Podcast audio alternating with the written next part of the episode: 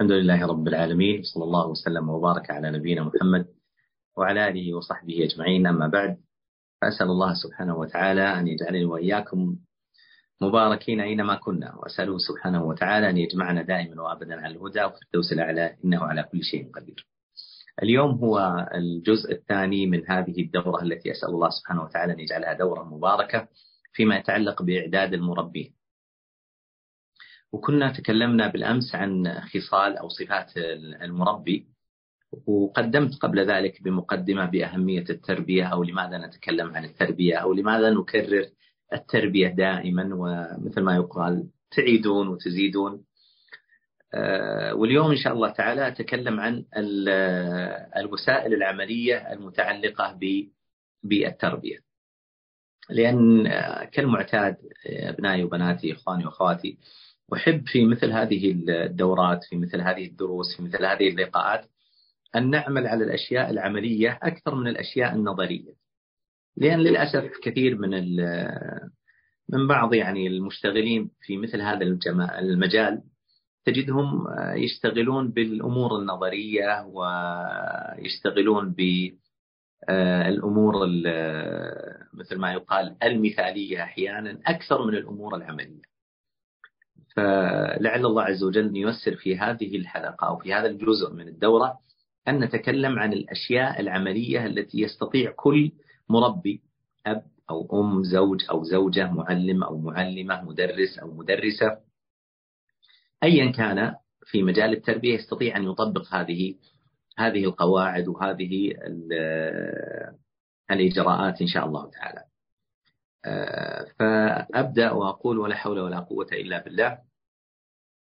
أن كل عملية سواء كانت تربوية أو اجتماعية أو اقتصادية أي عملية إنسانية لا بد لها من أعمال لا بد لها من آه، إجراءات لا بد لها من أفعال حتى يصل الإنسان إلى مراده من هذه العملية. ومن ذلك التربية تربية الأبناء تربية الطلاب تربية المدعوين تربية المتعلمين. كل هذه تحتاج إلى إجراءات عملية وإلى أفعال وإلى آه، أحداث يقوم بها المربي. أول هذه الأمور والذي لابد دائما أن نبدأ به في كل أمورنا ألا وهو التعلق بالله عز وجل والتوكل عليه ودعاؤه. كما فعل الأنبياء والرسل عليهم الصلاة والسلام. قال الله عز وجل هنالك دعا زكريا ربه. قال رب هب لي من لدنك ذرية طيبة إنك سميع الدعاء. فنادته الملائكة وهو قائم يصلي في المحراب أن الله يبشرك بيحيى مصدقا بكلمة من الله وسيدا وحصورا ونبيا من الصالحين. يعني تصوروا الله عز وجل جعل يحيى بدعاء نبيا بدعاء من؟ بدعاء أبيه زكريا عليه الصلاة والسلام. هارون عليه الصلاة والسلام وهو أخو موسى عليه الصلاة والسلام كيف صار نبيا؟ صار نبيا بدعاء أخيه قال؟ قال رب اشرح لي صدري ويسر لي أمري واحلل عقدة من لساني يفقه قولي واجعل لي وزيرا من أهلي هارون أخي اشدد به أزري واشركه في أمري كي نسبحك كثيرا ونذكرك كثيرا إنك كنت بنا بصيرا. قال قد أوتيت سؤلك يا موسى. الله عز وجل أصلح يحيى بدعاء والده وأصلح زك وأصلح هارون بدعاء أخيه. بل روى الإمام أحمد أن النبي صلى الله عليه وسلم قال: أنا دعوة أبي إبراهيم وبشارة أخي عيسى عليهم الصلاة والسلام. ما معنى أنا دعوة أبي إبراهيم؟ يعني أنا صرت نبيا ورسولا بدعوة أبي إبراهيم. أين ذلك؟ قال الله عز وجل عن إبراهيم وهو لما كان قد بنى البيت وهو يتعبد لله ويدعو الله عز وجل. ماذا قال؟ قال ربنا وابعث فيهم رسولا منهم يتلو عليهم آياتك ويعلمهم الكتاب والحكمة ويزكيهم إنك أنت العزيز الحكيم.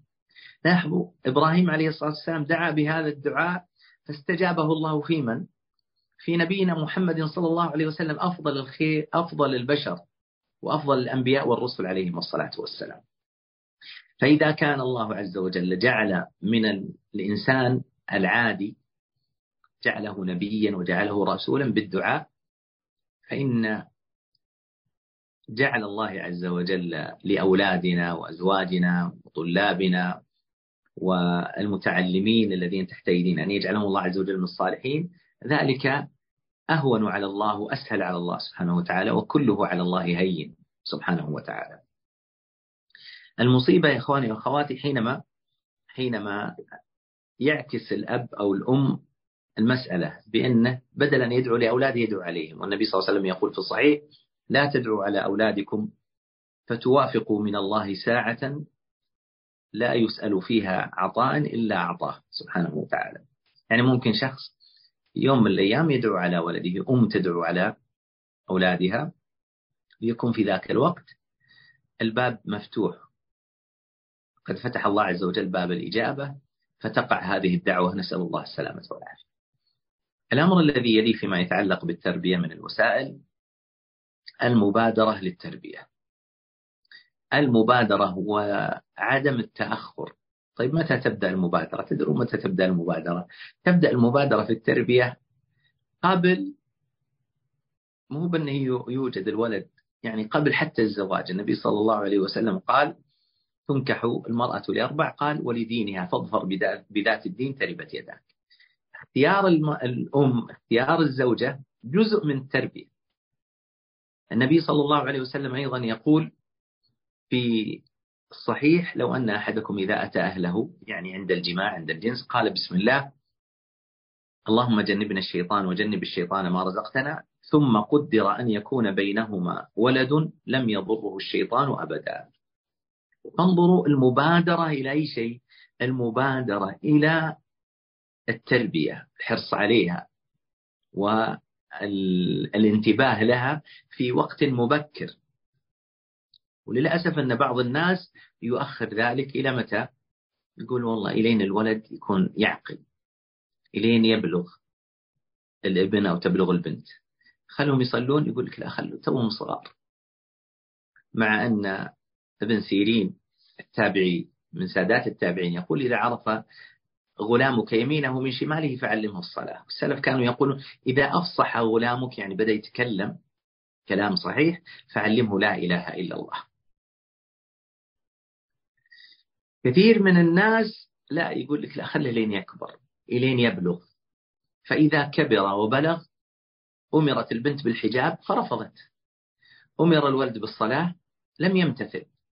أمروا بترك الحرام لم يمتثل. والنبي صلى الله عليه وسلم كان مع أحد سبطيه الحسن والحسين عند مال الصدقة. فقام فوضع تمرة من مال الصدقة في فيه. لا زال طفل صغير. فالنبي أخذها من فمه وقال كخ كخ عليه الصلاة والسلام. قال أما علمت أن الصدقة لا تح لا تحل لآل محمد عليه الصلاة والسلام. مع أنه طفل صغير. لكن انظروا المبادرة للتربية منذ ماذا؟ منذ الصغر. علموا أولادكم الصلاة لسبع مروا أولادكم عفوا مروا أولادكم بالصلاة لسبع التعليم يبدأ منذ أن يعرف يمينه من شماله. والأمر يبدأ منذ أن يكون عمره السبع سنوات. تصوروا أن الطفل منذ الصغر وهو يربى على طاعة الله وفعل الواجبات وترك المحرمات. فإذا وصل سنه 15 سنة مر عليه 15 سنة وهو يتربى على ذلك. من السهل جدا أن يتقبل ذلك بعد البلوغ. أما من ترك حتى يكبر ويشب وما تعود على الواجبات فعل الواجبات وترك المحرمات من الطبيعي ألا يقبل بعد البلوغ. أضحى يمزق أثوابي ويضربني. أبعد شيبي يبغي عندي الأدب. إن الغصون إذا قومتها اعتدلت ولا يلين إذا قومته الخشبة الأمر الذي يليه كن قدوة لأبنائك. قال الله عز وجل عن الولدين اللذين في قصة الكهف وكان أبوهما صالحا. والنبي صلى الله عليه وسلم قال صلوا في بيوتكم يعني النافلة يقصد الرجال. ولا تجعلوا بيوتكم قبورا من حكم الصلاة في البيت حتى يقتدي بنا أولادنا بالأمس ذكرت لكم قصة أم سلمة مع النبي صلى الله عليه وسلم في الحديبية لما جاء الصلح. وكان النبي عليه الصلاة والسلام قد أمر الصحابة أن يحلوا إحرامهم وأن ينحروا هديهم ويحلقوا رؤوسهم. فشق ذلك على الصحابة أن يرجعوا إلى المدينة وهم اعتمروا. فالنبي صلى الله عليه وسلم دخل مغضبا على دخل على أم سلمة. قال ما لي؟ أقول فلا يسمع وآمر فلا يطاع. فقالت يا رسول الله أخرج ولا تكلم أحدا وانحر هديك واحلق رأسك وحل إحرامك. خرج النبي صلى الله عليه وسلم وفعل. فلما فعل ذلك النبي صلى الله عليه وسلم تسابق الصحابة حتى كاد أن يجرح بعضهم بعضا. يا أيها الرجل المعلم غيره هلا لنفسك كان ذا التعليم تصف الدواء لذي السقام والظنا كيما تصح به وأنت سقيم ابدأ بنفسك فانهها عن غيها فإذا انتهت عنه فأنت حكيم. الأمر الذي يليه من وسائل التربية العملية زرع الثقة في الأولاد. أنك تزرع فيهم الثقة. تجعلهم عندهم قوة وصلابة نفسية داخلية. وهذه الثقة وهذه الصلابة النفسية تقابل الهشاشة النفسية. اليوم للأسف إخواني وأخواتي أبنائي بناتي يعاني كثير من الجيل في هذا الزمان من الهشاشة النفسية. البنت تجي من المدرسة تبكي. ما أريد أن أذهب للمدرسة ولا يمكن أن أذهب المدرسة وش اللي صاير؟ فلانة اليوم ما جلست معي. ويجي الولد يبكي ولا يريد أن يذهب للمدرسة ولا يريد أن يخرج للشارع. ما الذي حدث؟ فلان في الشارع سبني. هذا شيء طبيعي وجود من يتنمر عليك من يظلمك من يسبك من يشتمك. لا تستطيع أن تحكم الشارع. وجود من يخطئ عليك. وجود من يبغي عليك في المدرسة في الشارع في السوبر ماركت في السوق في العمل في الوظيفة. هذا شيء من طبيعة بني آدم.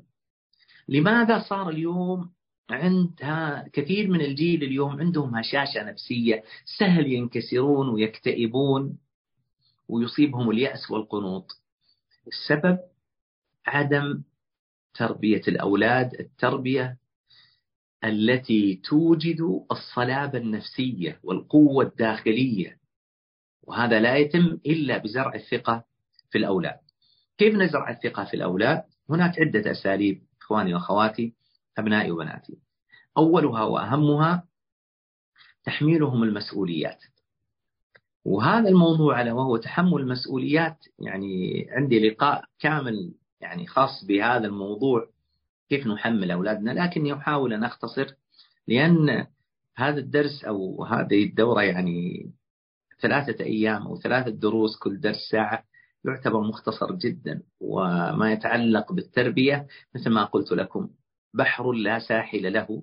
لكن أنا أعطي المفاتيح ولعل الله عز وجل أن يكون هذا سبب أن الإنسان يبحث أكثر ويسمع أكثر ويقرأ أكثر ويشاهد أكثر ويحضر أكثر. تحمل المسؤولية المراد به القدرة على تحمل التكاليف والواجبات الدينية والدنيوية. هذا المراد بمعنى تحمل المسؤولية. يعني حينما نقول فلان يتحمل المسؤولية يعني عنده القدرة على تحمل الواجبات الواجبات الدينية والدنيوية. لماذا نتكلم عن تحمل المسؤولية؟ لأنه يعطي الأولاد القوة والقدرة بعد توفيق الله عز وجل على مواجهة الصعوبات والمشاكل في جميع الظروف. بل إنه إذا ربينا الولد منذ الصغر على تحمل المسؤولية يكون النمو العقلي عنده سابق لنموه الجسماني لنموه ال نموه ال يعني ما يتعلق بأعضائه. تجد أن عقله أكبر من سنه أكبر من جسمه. إحنا نشوف بعض الأطفال إذا تكلم سبحان الله كأن أحد الكبار يتكلم. السبب تدرون ماذا؟ السبب أنه قد حمل المسؤولية قد تحمل المسؤولية منذ الصغر فكان نموه العقلي أسرع وأكبر من عمره الزمني. فلا بد من تحميل الأولاد المسؤولية لأجل أن يكون عندهم القوة والصلابة النفسية. وأيضا تحميله المسؤولية يجعلهم يشتغلون بما ينفع عما لا ينفع. حين الولد اللي جالس ما عنده مسؤوليات وش بيكون؟ بيكون فاضي بيكون فارغ. وأي شخص عنده فراغ وفاضي لابد أن يسبب مشكلة. قد يسبب مشكلة على نفسه قد يسبب مشكلة على أهله قد يسبب مشكلة على مجتمعه. إن الفراغ والشباب والجدة مفسدة للمرء أي مفسدة؟ والعياذ بالله. فإن النفس إذا لم تشغلها بالحق شغلتك بالباطل. ثم إن تحميل الأولاد المسؤولية يجعلهم إيجابيين مبادرين ولا يجعلهم سلبيين. يجعلهم يفهمون أن الحياة أخذ وعطاء. ليست مجرد أنانية فردانية آخذ آخذ آخذ. ويكون عندهم الشعور بالاستحقاق أكبر من القدر الصحيح الذي فيه اعتدال. ثم إن سلفنا الصالح رضي الله عنهم ورحمهم كانوا يحملون أولادهم المسؤولية منذ وقت مبكر كما في قصة هجرة النبي صلى الله عليه وسلم مع أبي بكر الصديق لما صار بيته غرفة عمليات. عبد الرحمن له عمل أسماء لها عمل زوجة أبي بكر الصديق لها عمل. تقسم هذا البيت كل واحد له عمله أبو بكر الصديق مع النبي صلى الله عليه وسلم عبد الرحمن يوصلهم الطعام والأخبار بما يفعله ويتحدث به أهل مكة. أسماء كانت تجهز الطعام. أبو بكر كان يصحب النبي صلى الله عليه وسلم. انظروا كيف أن هذه الأسرة ماذا؟ تحملت المسؤولية منذ وقت مبكر وفي أمر عظيم انبنى عليه ماذا؟ تغير التاريخ وهو هجرة النبي صلى الله عليه وسلم. وها هنا سؤال. ما الذي يحمل الوالدين على عدم تحميل أولادهم المسؤولية؟ هناك أسباب كثيرة. أولا الخوف الزائد عليهم من المجتمع أو البيئة. يعني الأم مثلا ترفض أنها تخلي ولدها يروح ي... مع أنه يستطيع أنه يذهب السن مناسب ترفض أنه يروح البقالة من أجل ماذا يقضي حاجيات الأسرة بسبب خوفها الزائد من المجتمع والبيئة. الأم ترفض أن ولدها بنتها تدخل المطبخ خايفة عليها من النار خايفة عليها من السكاكين خايفة عليها من المنظفات. فالخوف الزائد هذا قد يمنع الوالدين من تحميل الأولاد المسؤولية. الأمر الثاني التدليل الزائد. فإذا رفض الولد رفض الابن أو البنت امتثال تحمل المسؤولية تركوه. قالوا ما دام إنه ما يبغى يا فلان رتب سريرك يا فلانة غسلي الثياب يا فلانة أعد الوجبة لأخيك الصغير يا فلان هات الحاجيات من السوبر ماركت أو من المتجر. فيرفض الأولاد بسبب التدليل الزائد ماذا؟ يقوم الوالد الوالدان بهذه الأمور بدلا من أولادهم ولا يحملونهم المسؤولية. من الأسباب في عدم تحميل المسؤولية استصغار الأولاد واحتقار قدراتهم. يعني يقول تو صغير هذا ما يفهم ما يعرف فبقعد أحمله المسؤولية. نعم حمله المسؤولية وعلمه ودربه. اللي ما يعرف اليوم يعرف بكرة. اللي يخطئ اليوم يصيب غدا. الذي اليوم هو صغير غدا يكون كبيرا. إذا لم تعلمه في الصغر سيصعب عليك تعليمه في الكبر. فلا تحتقر أولادك ولا تستصغر قدراتهم. الأمر الذي يليه وجود الخدم. يجعل كثير من الآباء والأمهات لا يحملون أولادهم المسؤولية. ولا بد أن ننتبه أخواني وأخواتي أن وجود الخدم نعمة من الله سبحانه وتعالى إذا وجدت لكن لا يصح أن نقلبها إلى نقمة. بمعنى أن نجعل الابن لا يمارس دور دورك كرجل كشخص فاعل في الأسرة لأنه السائق موجود والخادم موجود. كذلك البنت لا تمارس أي دور داخل الأسرة لوجود الخادمة هذا غير صحيح. وجود الخادم الخادم أو الخادمة السائق أو العاملة في البيت هذا نعمة لكن لا يصح أن يكون سببا في أن نجعل أولادنا لا يتحملون المسؤولية. طيب ما الحل؟ الحل أن نجعل هناك أعمال يجب أن يقوم بها الأولاد الذكور والإناث حتى مع وجود الخدم. ممكن الإنسان يكون عنده جدول. فضل الله سبحانه وتعالى علي عندي ذكور وعندي إناث. فترة من الفترات كان عندي سائق وكان عندي خادمة وكان هناك جدول موضوع للجميع بالأعمال الواجبة عليهم اليومية. فيما يتعلق بنظافتهم الشخصية ما يتعلق غرفتهم ما يتعلق برعاية الصغير ما يتعلق بالإتيان بالحاجيات من المتجر إلى غير ذلك. من الأسباب التي تجعل الوالدين لا يحملون أولادهم المسؤولية الاستغناء بالكبير عن الصغير. يعني عنده ولد وعنده بنت كبار يركز جهدهم عليهم. ويترك بقية ماذا؟ بقية أولاده وهذا من الظلم ومن سوء التربية للأولاد الله عز وجل أوجب عليك أن جميع الأولاد تراعيهم في ماذا؟ في تربيتهم أنت ربيت الذكر أو الابن الكبير والبنت الكبيرة وعودتهم على تحمل المسؤولية لابد إذا جاء الجيل اللي بعده الولد اللي بعده البنت اللي بعدها أيضا تحمل المسؤولية. ثم الثالث ثم الرابع والخامس والسادس إلى آخر أولادك. لا يصح أنك تجعل فقط الكبير من الذكور والكبير من الإناث هم الذين يتحملوا المسؤولية وتخل بالبقية.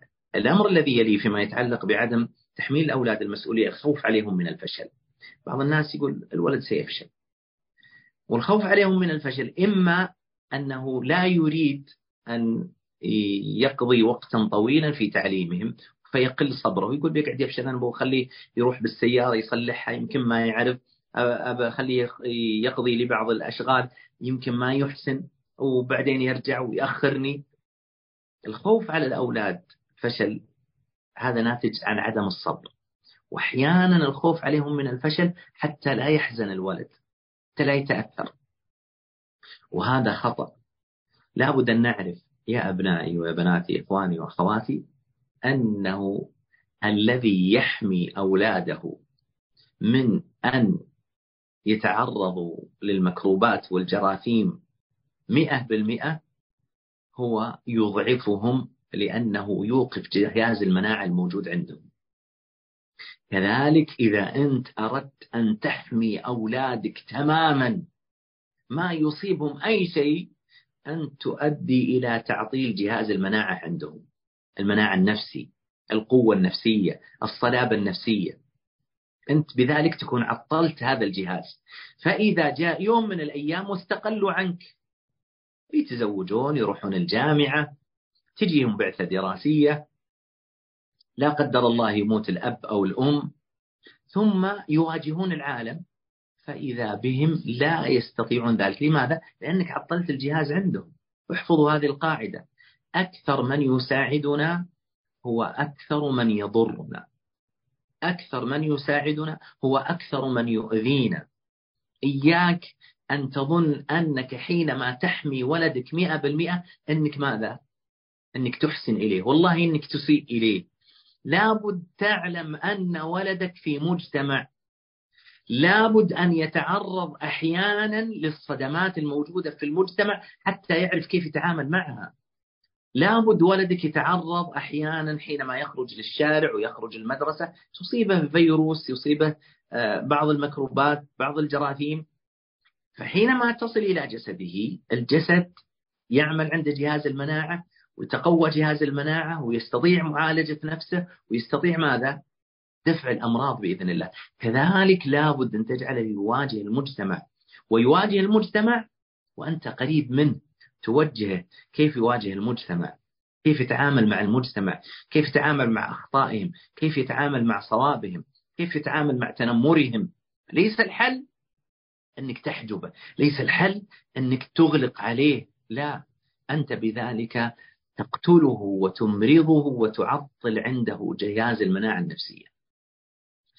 من الأسباب التي تجعل كثير من الآباء والأمهات لا يحملون أولادهم المسؤولية قلة الوعي بأهمية تحميل الأولاد المسؤولية كثير من الآباء والأمهات ما عندهم وعي بأن تحمل المسؤولية أساس من أساسيات التربية لأنك حينما تحمله المسؤولية أنت تربيه وتعوده على ماذا؟ أنها غدا لما يستقل بنفسه يستطيع أن يعيش لوحده حينما يكون زوجا يستطيع أن يتحمل المسؤولية. حينما يكون أبا يستطيع أن يكون يتحمل مسؤولية إذا صار موظفا يستطيع أن يتحمل مسؤولية وإذا صارت زوجة صارت أما صارت موظفة تستطيع أن تتحمل البنت المسؤولية. فكثير من الآباء والأمهات للأسف لا يشعرون وليس عندهم وعي بأهمية تحميل الأولاد المسؤولية. الأمر الذي يليه كيف نعود أولادنا على تحمل المسؤولية؟ هناك عدة عدة وسائل. الوسيلة الأولى التشجيع والتحفيز المادي والمعنوي. آه، النبي صلى الله عليه وسلم مع الصحابة رضي الله عنهم كانوا يصومون أولادهم.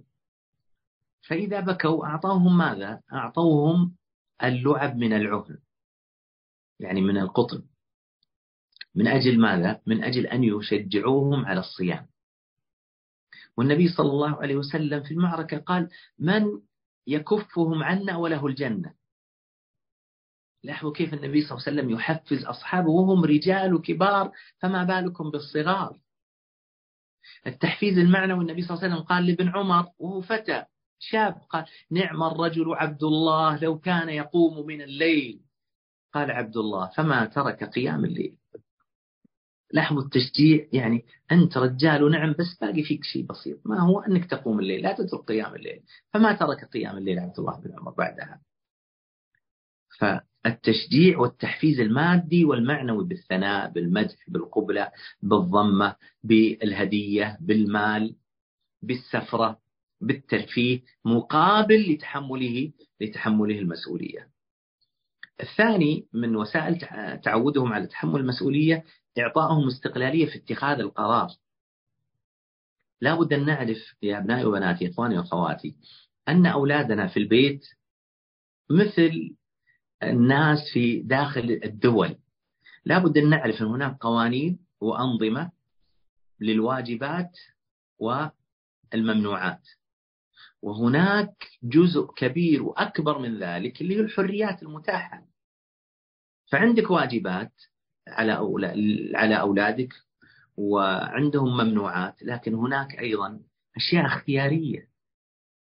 يا أبنائي وبناتي لا يصح أن نعطل عقول أولادنا عن الاختيار.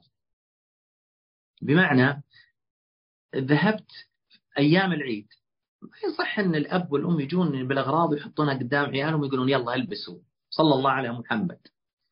طيب أنت عوده علمه كيف يختار. وعلمه لو اختار شيئا خطأ تنبه وتقول هذا ما يصح إذا كان يضر في دينه أو دنياه. أو كان غير أحيانا غير مناسب يعني بمعنى أنك تشوف اللون غير مناسب لكن هو اختاره وهذا اللون لا يضر لا في دينه ولا في أخلاقه ولا في سلوكه ولا في العرف. لكن تشوف أنه غير مناسب اتركه خليه يخطئ وخليه يتحمل مسؤولية خطأه. حينما الإنسان الولد يكون عنده مال بسبب عنده وظيفة أو عنده يعمل في بعض المعاهد التي يعني تصرف مالا لهؤلاء الأولاد عوده أن يكون عنده مساحة من القدرة على التصرف في هذا المال. فلا بد أن نجعل لأولادنا مساحة للاختيار هذه المساحة الاختيار لا تنافي الواجبات ولا تنافي الممنوعات المحرمات. ودائما إخواني وأخواتي المباح والمتاح أكثر بكثير من الواجب والممنوع. الأمر الذي يليه فيما يتعلق بوسائل تعويد الأولاد على المسؤولية الاستعداد لإخفاق الأولاد والاستعداد لمعالجة هذا الإخفاق. يا أبنائي وبناتي يقول النبي صلى الله عليه وسلم إذا اجتهد الحاكم فأصاب فله أجران وإذا اجتهد فأخطأ فله أجر. ولدك إذا حملته المسؤولية وأخطأ إياك إياك أن تقتله بأن تعامله معاملة المذنب. في فرق بين المخطئ المجتهد وبين المذنب يعني الذي تعمد الخطأ والمخالفة وخرق النظام. أما هذا اجتهد يعني قلت لولدك وأنا أبوك راح صلح السيارة راح واجتهد وطلع من أول اليوم ومر على الورش. لكن كان السعر يوم جاء قال والله جاب لك الورقة الفاتورة مصلحها ب 200 هي العادة 150 فيها الحدود يعني زاد 50 تجي تقول أنت ما تفهم يا غبي أنت يلعبون عليك. أنت ما أنت المفروض ما أرسلتك. الآن هو اجتهد وبادر وبذل. كان الواجب أن تشكره على اجتهاده. وإذا رأيته أخطأ أن يكون عندك الاستعداد في إصلاح هذا الخطأ بالطريقة الصحيحة. بدون بدون أن تعنفه بدون أن تكسره. لماذا؟ لأن الخطأ الاجتهادي يختلف عن الخطأ المتعمد. المقصود المعلوم في خرق النظام والقانون الأمر الذي يليه فيما يتعلق كيف نحمل أولادنا المسؤولية نتحدث معهم عن تحمل المسؤولية قصص في ذلك كيف النبي صلى الله عليه وسلم في حروب آه، الردة بعث من؟ بعث أسامة بن زيد رضي الله عنه وأرضاه ف وغيره وغيره من القصص التي فيها تحمل الشباب والفتيان والفتيات قصة أبي بكر الصديق مع مع أسرته وعائلته.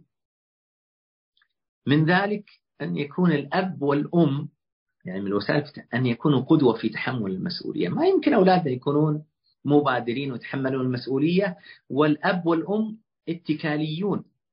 الأب والأم كسالى. الأب والأم لا يتحملون المسؤولية لا يمكن أن يتحمل أولادنا المسؤولية إلا إذا كنا قدوة لهم ومبادرين في هذا الباب. من الوسائل في تحمل المسؤولية؟ البدء من الصغر. لابد أن نبدأ من الصغر بحسب قدراتهم. تبدأ بالنظافة الشخصية تبدأ بلبس النعال يعني تصوروا إلى اليوم يعني يعني هذه الأيام تجد ابن أو بنت عمره عشر سنوات ما يعرف يلبس الحذاء. من اللي يلبس الحذاء؟ وصل عمره 10 11 سنة أمه وأبوه ينزلون يربطون له الحذاء ما يعرف يربط الحذاء. السبب أنه ما عود على ذلك منذ الصغر. فيعود الولد منذ الصغر على تحمل المسؤولية بحسب طاقته وبحسب قدرته. نظافة الشخصية لباسه أنه يساهم في يساهم في عمل داخل البيت نظافة البيت طبخ في البيت قضاء حاجيات البيت إلى غير ذلك بحسب طاقته بحسب قدرته بحسب بحسب مستواه العمري.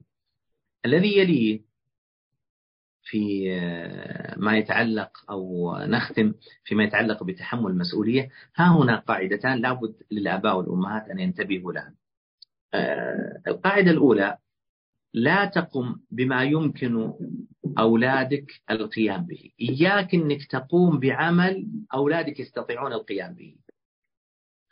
إياك أن تقوم بعمل يستطيع أولادك القيام به لأنفسهم أو القيام به بدلا عنك أو عن أمهم. والله إنه يعز على الإنسان أنه يخرج أحيانا للبرية أو يخرج للترفيه. فيجد بعض الأسر ماذا؟ يجد بعض الأسر كأن الأب والأم خدم عند أولاد. الأولاد الذكور والإناث أربعة أو خمسة أو ستة كل واحد متكي وجالس على جواله. الأب اللي ينزل الأغراض والأم التي تطبخ والأب الذي ربما ينصب الخيمة والأب الذي يفعل والأم الذي تفعل والأولاد على جواله. هذه مصيبة عظيمة إخواني وأخواتي تعود أولادنا على ماذا؟ تعود أولادنا على السلبية على الأنانية على الفردانية على عدم المبادرة. الخير عادة يتعودها الولد. لابد أن نعود أولادنا إذا كانوا يستطيعون أن يقوموا بشيء إياك أيها الأب أو إياك أيتها الأم أن تقوموا به عنهم إذا كانوا يستطيعون هذا لأنفسهم أو حتى كانوا يستطيعون أنت تستطيع أنك تروح تجيب الأغراض من البقالة. وولدك عمره 17 18 19 سنة في البيت جالس. لماذا تذهب ولدك جالس؟ الأم تستطيع أنها تطبخ. بنتها تستطيع أنها تطبخ. ولا هناك أي مانع. نتكلم في الظروف. اللي ما يكون هناك مانع. لا جاء وقت الاختبارات أو الأوقات الاستثنائية. نحن نقول في الظروف العادية.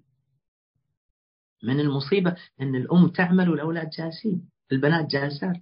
تكنس والبنت جالسة على جوالها. تغسل دورات المياه والبنت جالسة على جوالها. تشوف المسلسل أو تشوف الفيلم أو أو أو. هذه مصيبة عظيمة. إيش تربي فيهم؟ تربي فيهم عدم تحمل المسؤولية الأنانية الفردانية عقوق الوالدين. وأولادنا ولدوا غير معاقين. فلا نصنع من أولادنا معاقين نفسيا معاقين اجتماعيا والعياذ بالله. القاعدة التي تليها اجعل أولادك يستبدلون كلمة لا أعرف بكلمة كيف. إذا جاك وقال لك لا أعرف قل هذه لا أعرف انسى انسى هذه الكلمة. مباشرة إذا ما تعرف لا تقول لي لا أعرف وإنما قل لي كيف أفعل ذلك؟ كيف أصنع ذلك؟ فإذا عودت أولادك على ذلك عرفوا أنهم لابد يقومون بالمسؤولية وأن الجهل بفعل الشيء أو القيام بالشيء لا يعني ماذا؟ لا يعني لا يعني تركه وعدم تحمل وعدم تحمل مسؤوليته. أنتقل آه، بعد ذلك فيما يتعلق بزرع الثقة في الأولاد بعد أن انتهينا من تحمل المسؤولية السماح لهم بمجالسة الكبار. كثير من الناس مغلق على أولاده الذكور والإناث ما يحضرون مجالس الكبار ما يحضرون مجالس الناس ما يتعودون على طريقة التعامل مع الناس ما عندهم ذكاء اجتماعي ما يعرف يسلم على الكبير ما يعرف يكلم الكبير ما يعرف يعطي الكبير ما يعرف يأخذ من الكبير ما يعرف يحترم الكبير ما يعرف كيف يتعامل مع الناس ما يعرف كيف يتعامل مع الضعيف ما يعرف كيف يتعامل مع المتنمر لأنه مغلق عليه المسكين. ما عنده تربية عملية في مواجهة المجتمع في مواجهة الناس. خذ قاعدة كلما استطعت أنك تاخذ أولادك خذهم. تستطيع تأخذهم البقالة؟ خذهم معك البقالة. تستطيع تأخذهم المول؟ خذهم المول. تستطيع تأخذهم الحديقة؟ خذهم الحديقة. تستطيع أنك تأخذهم لأي مكان لوالدك لوالدتك لأخيك لأختك لخالك لعمك؟ إذا استطعت أنك تأخذ أولادك خذهم حتى تعلمهم التربية العملية كيف يتعاملون مع الناس. اليوم نفاجأ قبل أيام يسلم علي ولد تجاوز البلوغ لا يستطيع ما يعرف كيف يسلم. لماذا؟ لأنه مسكين مغلق عليه على هذه الأجهزة. السبب؟ من المخطئ؟ من المذنب في حقه؟ والده ووالدته. من الأمور التي تزرع الثقة في الأولاد أسمعه التفاؤل بما سيكون عليه. تقول له أنا أرجو أنك تكون يا ولدي من المصلحين من المجددين من الأطباء من العلماء. أرجو أنك تكون يا ولدي شخص نافع شخص آه، قدوة في الخير. يقول النبي صلى الله عليه وسلم فيما رواه البخاري إن ابني هذا سيد. يقصد الحسن بن علي إن ابني هذا سيد ولعل الله أن يصلح به بين فئتين عظيمتين من المسلمين. انظروا كيف النبي زرع هذا في قلب الحسن وسمع الحسن. لذلك لما جاءت الفتنة كان الحسن جاهز. فأصلح الله عز وجل به بين بين المسلمين. من ما يزرع الثقة في الأولاد الثناء عليهم بخصال الخير التي فيهم. قال النبي صلى الله عليه وسلم نعم الرجل عبد الله لو كان يقوم الليل. قال سالم فكان عبد الله بعد ذلك لا ينام من الليل إلا قليلا. من الوسائل التي تزرع الثقة في الأولاد مشاورتهم. أنت طالع معهم في سفر في نزهة شاورهم. وش رأيكم؟ أنت وش رأيك؟ قل لي. ولما يشير عليك قل لي ماذا اخترت هذا الاختيار؟ تحدث معه عن سبب اختياره عن مسوغات اختياره. ثم الشخص يأتي بالرأي الآخر والشخص يأتي بالرأي الرأي الثالث وتتناقشون وتبين لهم لماذا هذا الرأي فيه سلبية وهذا الرأي فيه إيجابية وكيف نخرج برأي واحد. هذا يزرع الثقة فيه. اترك لهم مساحة للاختيار وتقدم هذا معنا.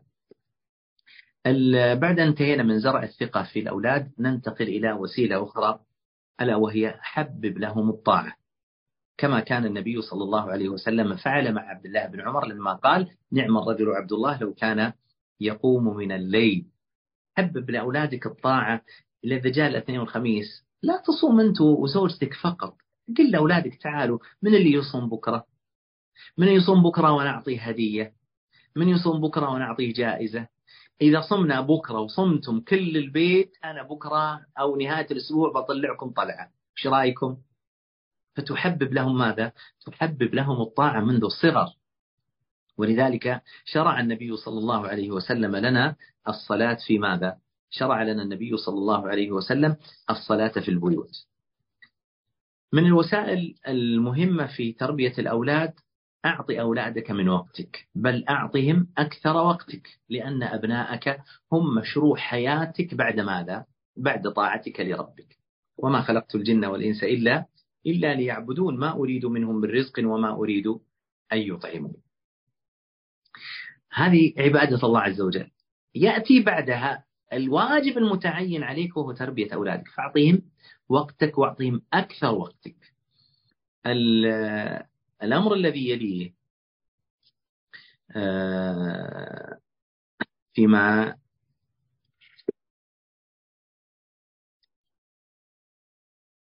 فيما يتعلق بوسائل آه، بما يتعلق بوسائل التربية. الأمر الذي يليه فيما يتعلق بوسائل التربية كسب قلوب الأولاد. وهذه عندي محاضرة فيها أسميتها آه، التربية بالحب وهي موجودة في موجودة على اليوتيوب. آه، معلوم أن الاتباع والقناعات تبدأ بالحب. الحب له أثر على الإنسان أكثر من العقل. عاطفة الإنسان عليها لها أثر على أكثر الناس أكثر من عقولهم. يقول الله عز وجل فبما رحمة من الله لنت لهم. ولو كنت فظا غليظ القلب لانفضوا من حولك. النبي صلى الله, الله عز وجل يقول للنبي صلى الله عليه وسلم أنك مع ما عندك من الحجج والبينات والبراهين والأدلة من القرآن والسنة وشق الله عز وجل له القمر وأجرى الماء من بين يديه عليه الصلاة والسلام وغير ذلك من المعجزات وأسرى به وعرج به عليه الصلاة ومع ذلك الله يقول كل هذه الأدلة إذا ما كان عندك رحمة وحب ورفق ولين فبما رحمة من الله لنت لهم. ولو كنت فظا غليظ القلب لانفضوا من حولك. القسوة والشدة والعصبية تنفر الأولاد. العصبية الشدة القسوة تنفر الأولاد وتجعلك تخسر أولادك. طيب كيف نكسب أولادنا؟ آه وقبل ذلك معلوم بيت الشعر. وهو تعصي المحبة أو تعصي الحبيب وأنت تزعم حبه هذا محال في القياس بديع لو كنت حقا صادقا لأطعته إن المحب لمن يحب مطيع والله لو بنيت الجسور مع أولادك لو لم يطيعوك خوفا سيطيعونك رغبة ومحبة. بيستحون منك يستحون أنهم يخالفون. لماذا؟ لأنك بنيت بينك وبينهم جسور الحب والمودة والرحمة. والتعلق. طيب ما هي وسائل كسب قلوب الأولاد؟ الوسائل كثيرة أحاول أن أجملها في بعض النقاط. أولا أشركهم في همومك وأهدافك ووسائلك واجعلهم يتبنون القضية اللي أنت متبنيها. يعني دائم تحدث مع أولادك عن همومك عن مشاكلك عن أهدافك عن وسائلك. أنت في شركتك في مؤسستك في وظيفتك. تكلم مع أولادك عن ما تعاني عن المشاكل اللي عندك. حدثهم عنها شاورهم. عندك مشروع دعوي عندك مشروع خيري. عندك شركة عندك تجارة عندك أصدقاء عندك زملاء. عندك أشياء كثيرة في الحياة تستطيع أنك تشارك أولادك وتحدثهم بها.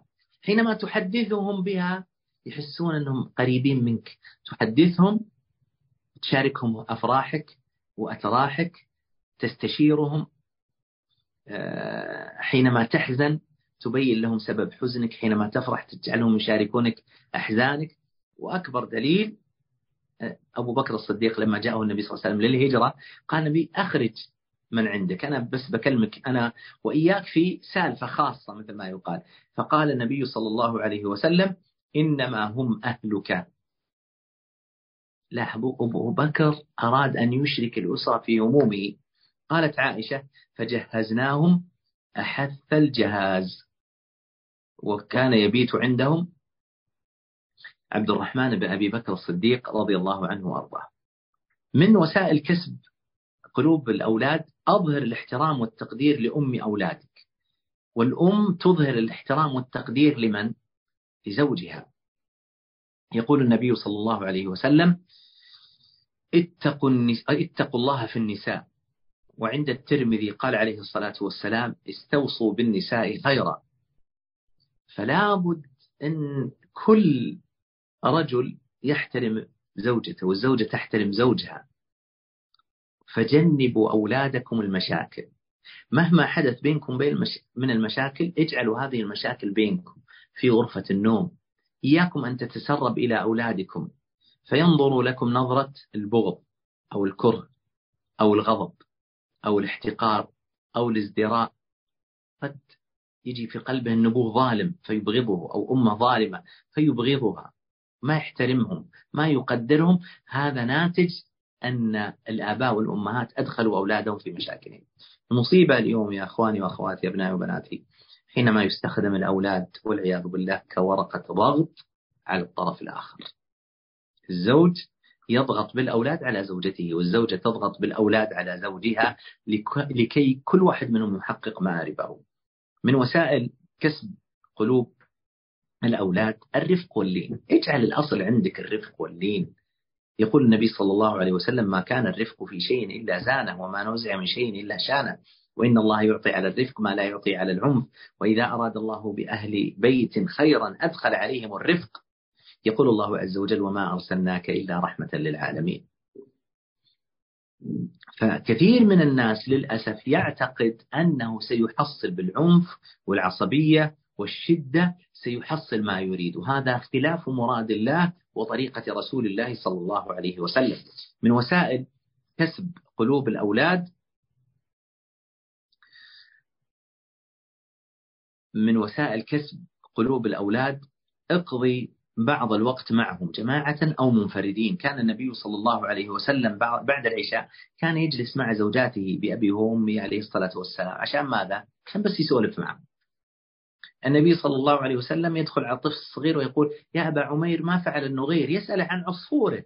عصفور عنده. النبي عليه الصلاة والسلام يسأل الطفل عن عصفوره عليه الصلاة والسلام. النبي صلى الله عليه وسلم لما كانت عائشة صغيرة دعاها النبي صلى الله عليه وسلم أن يتسابق معها. النبي صلى الله عليه وسلم قال تعالي شوفي الأحباش وهم يلعبون.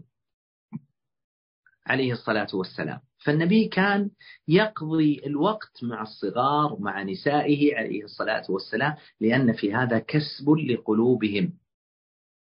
الأمر الذي يليه تقدير أو احترام وتقدير الولد وتقدير إنجازاته والثناء عليه.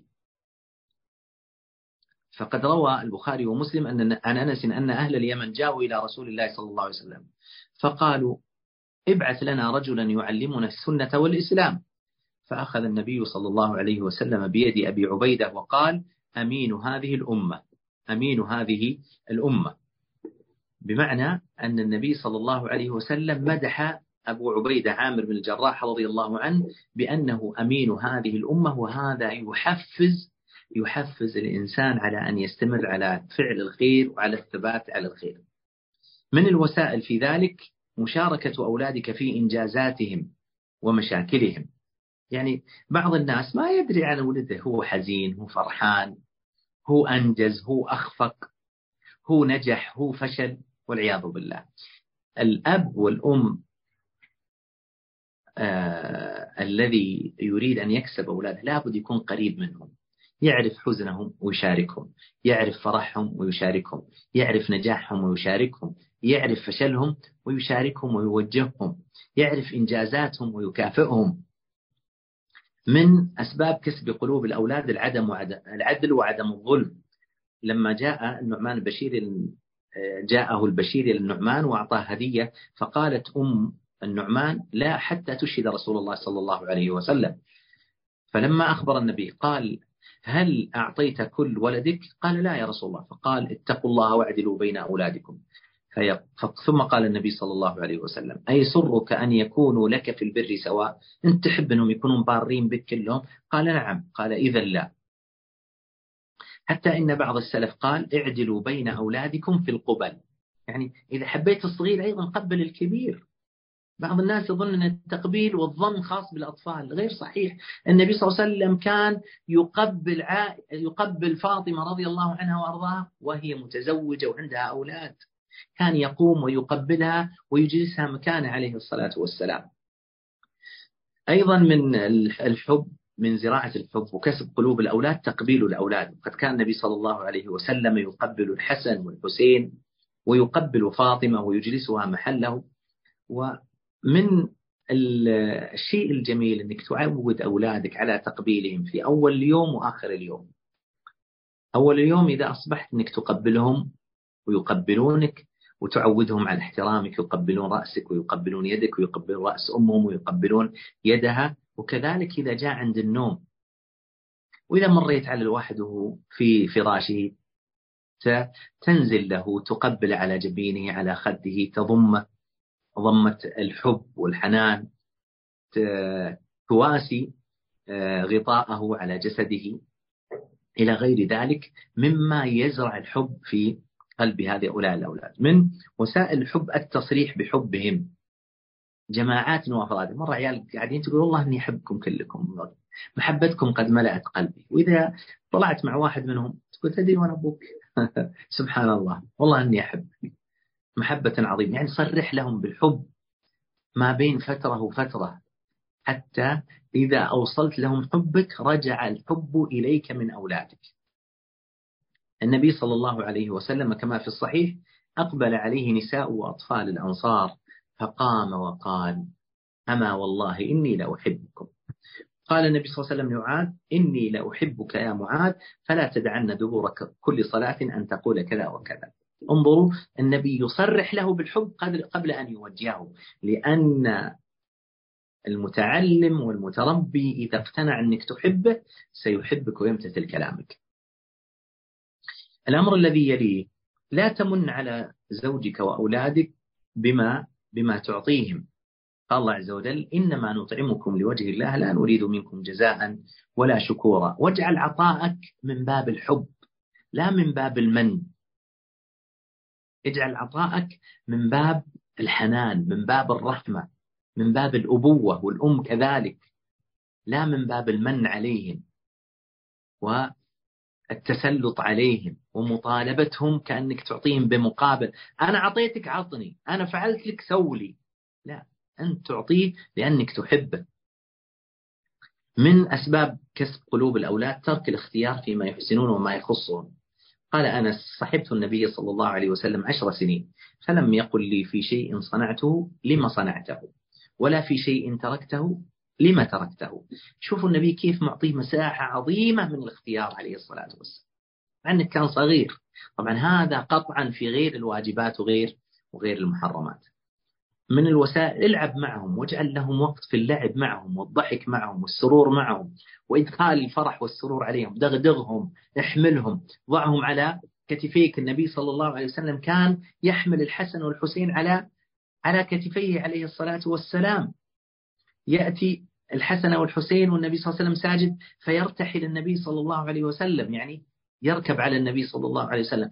فالنبي يطيل السجود حتى يقضي نهمته يعني يشبع من جلوسه على ظهر النبي صلى الله عليه وسلم. النبي سابق عائشة تركها تضرب الدف يضرب عندها الدف في يوم العيد عليه الصلاة والسلام. وعرض على أم المؤمنين عائشة أن تنظر للأحباش وهم يلعبون. وكان النبي يسرب الجواري لأم المؤمنين عائشة.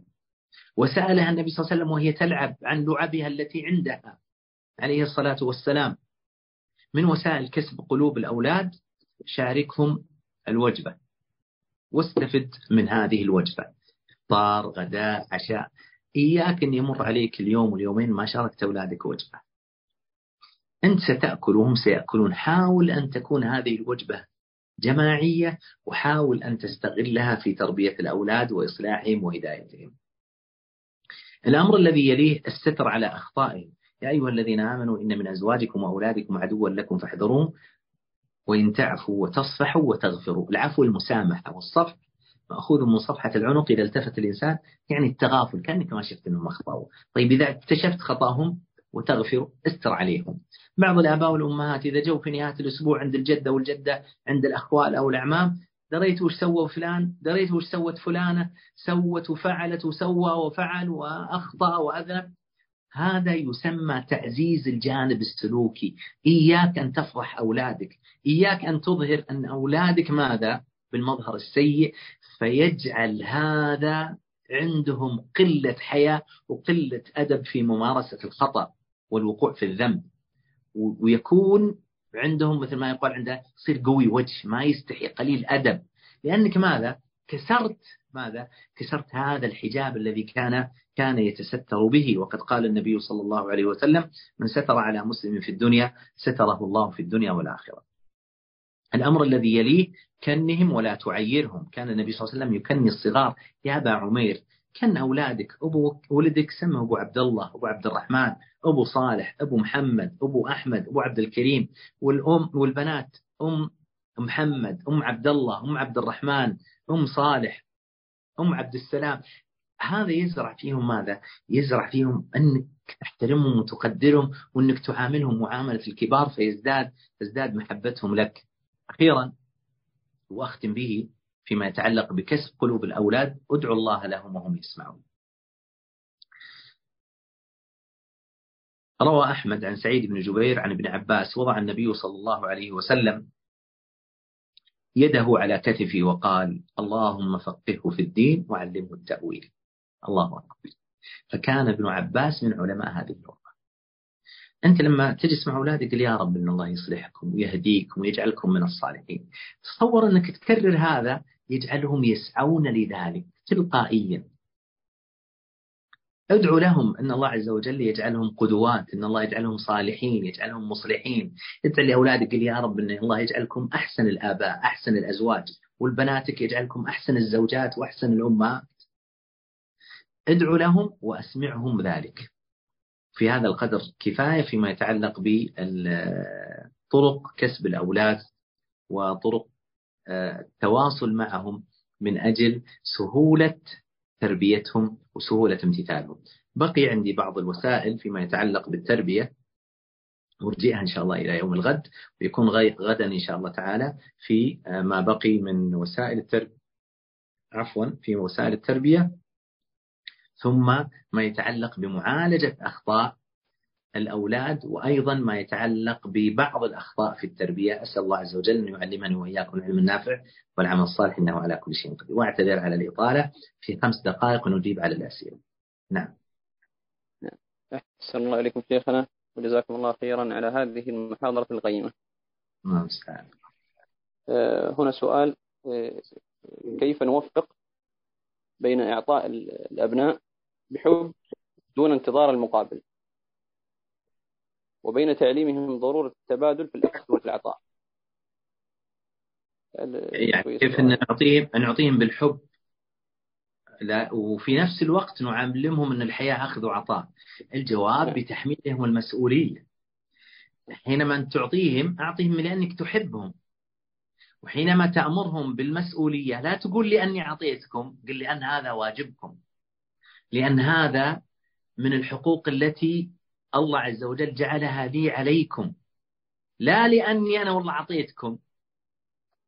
فأنت تعطيه لأنك تحبه تعطيه لأنه ولدك تعطيه لأن هذا واجب عليك. حينما تطلبه بأن يقوم بالواجب لا تقول لأني أعطيتك عطني لا.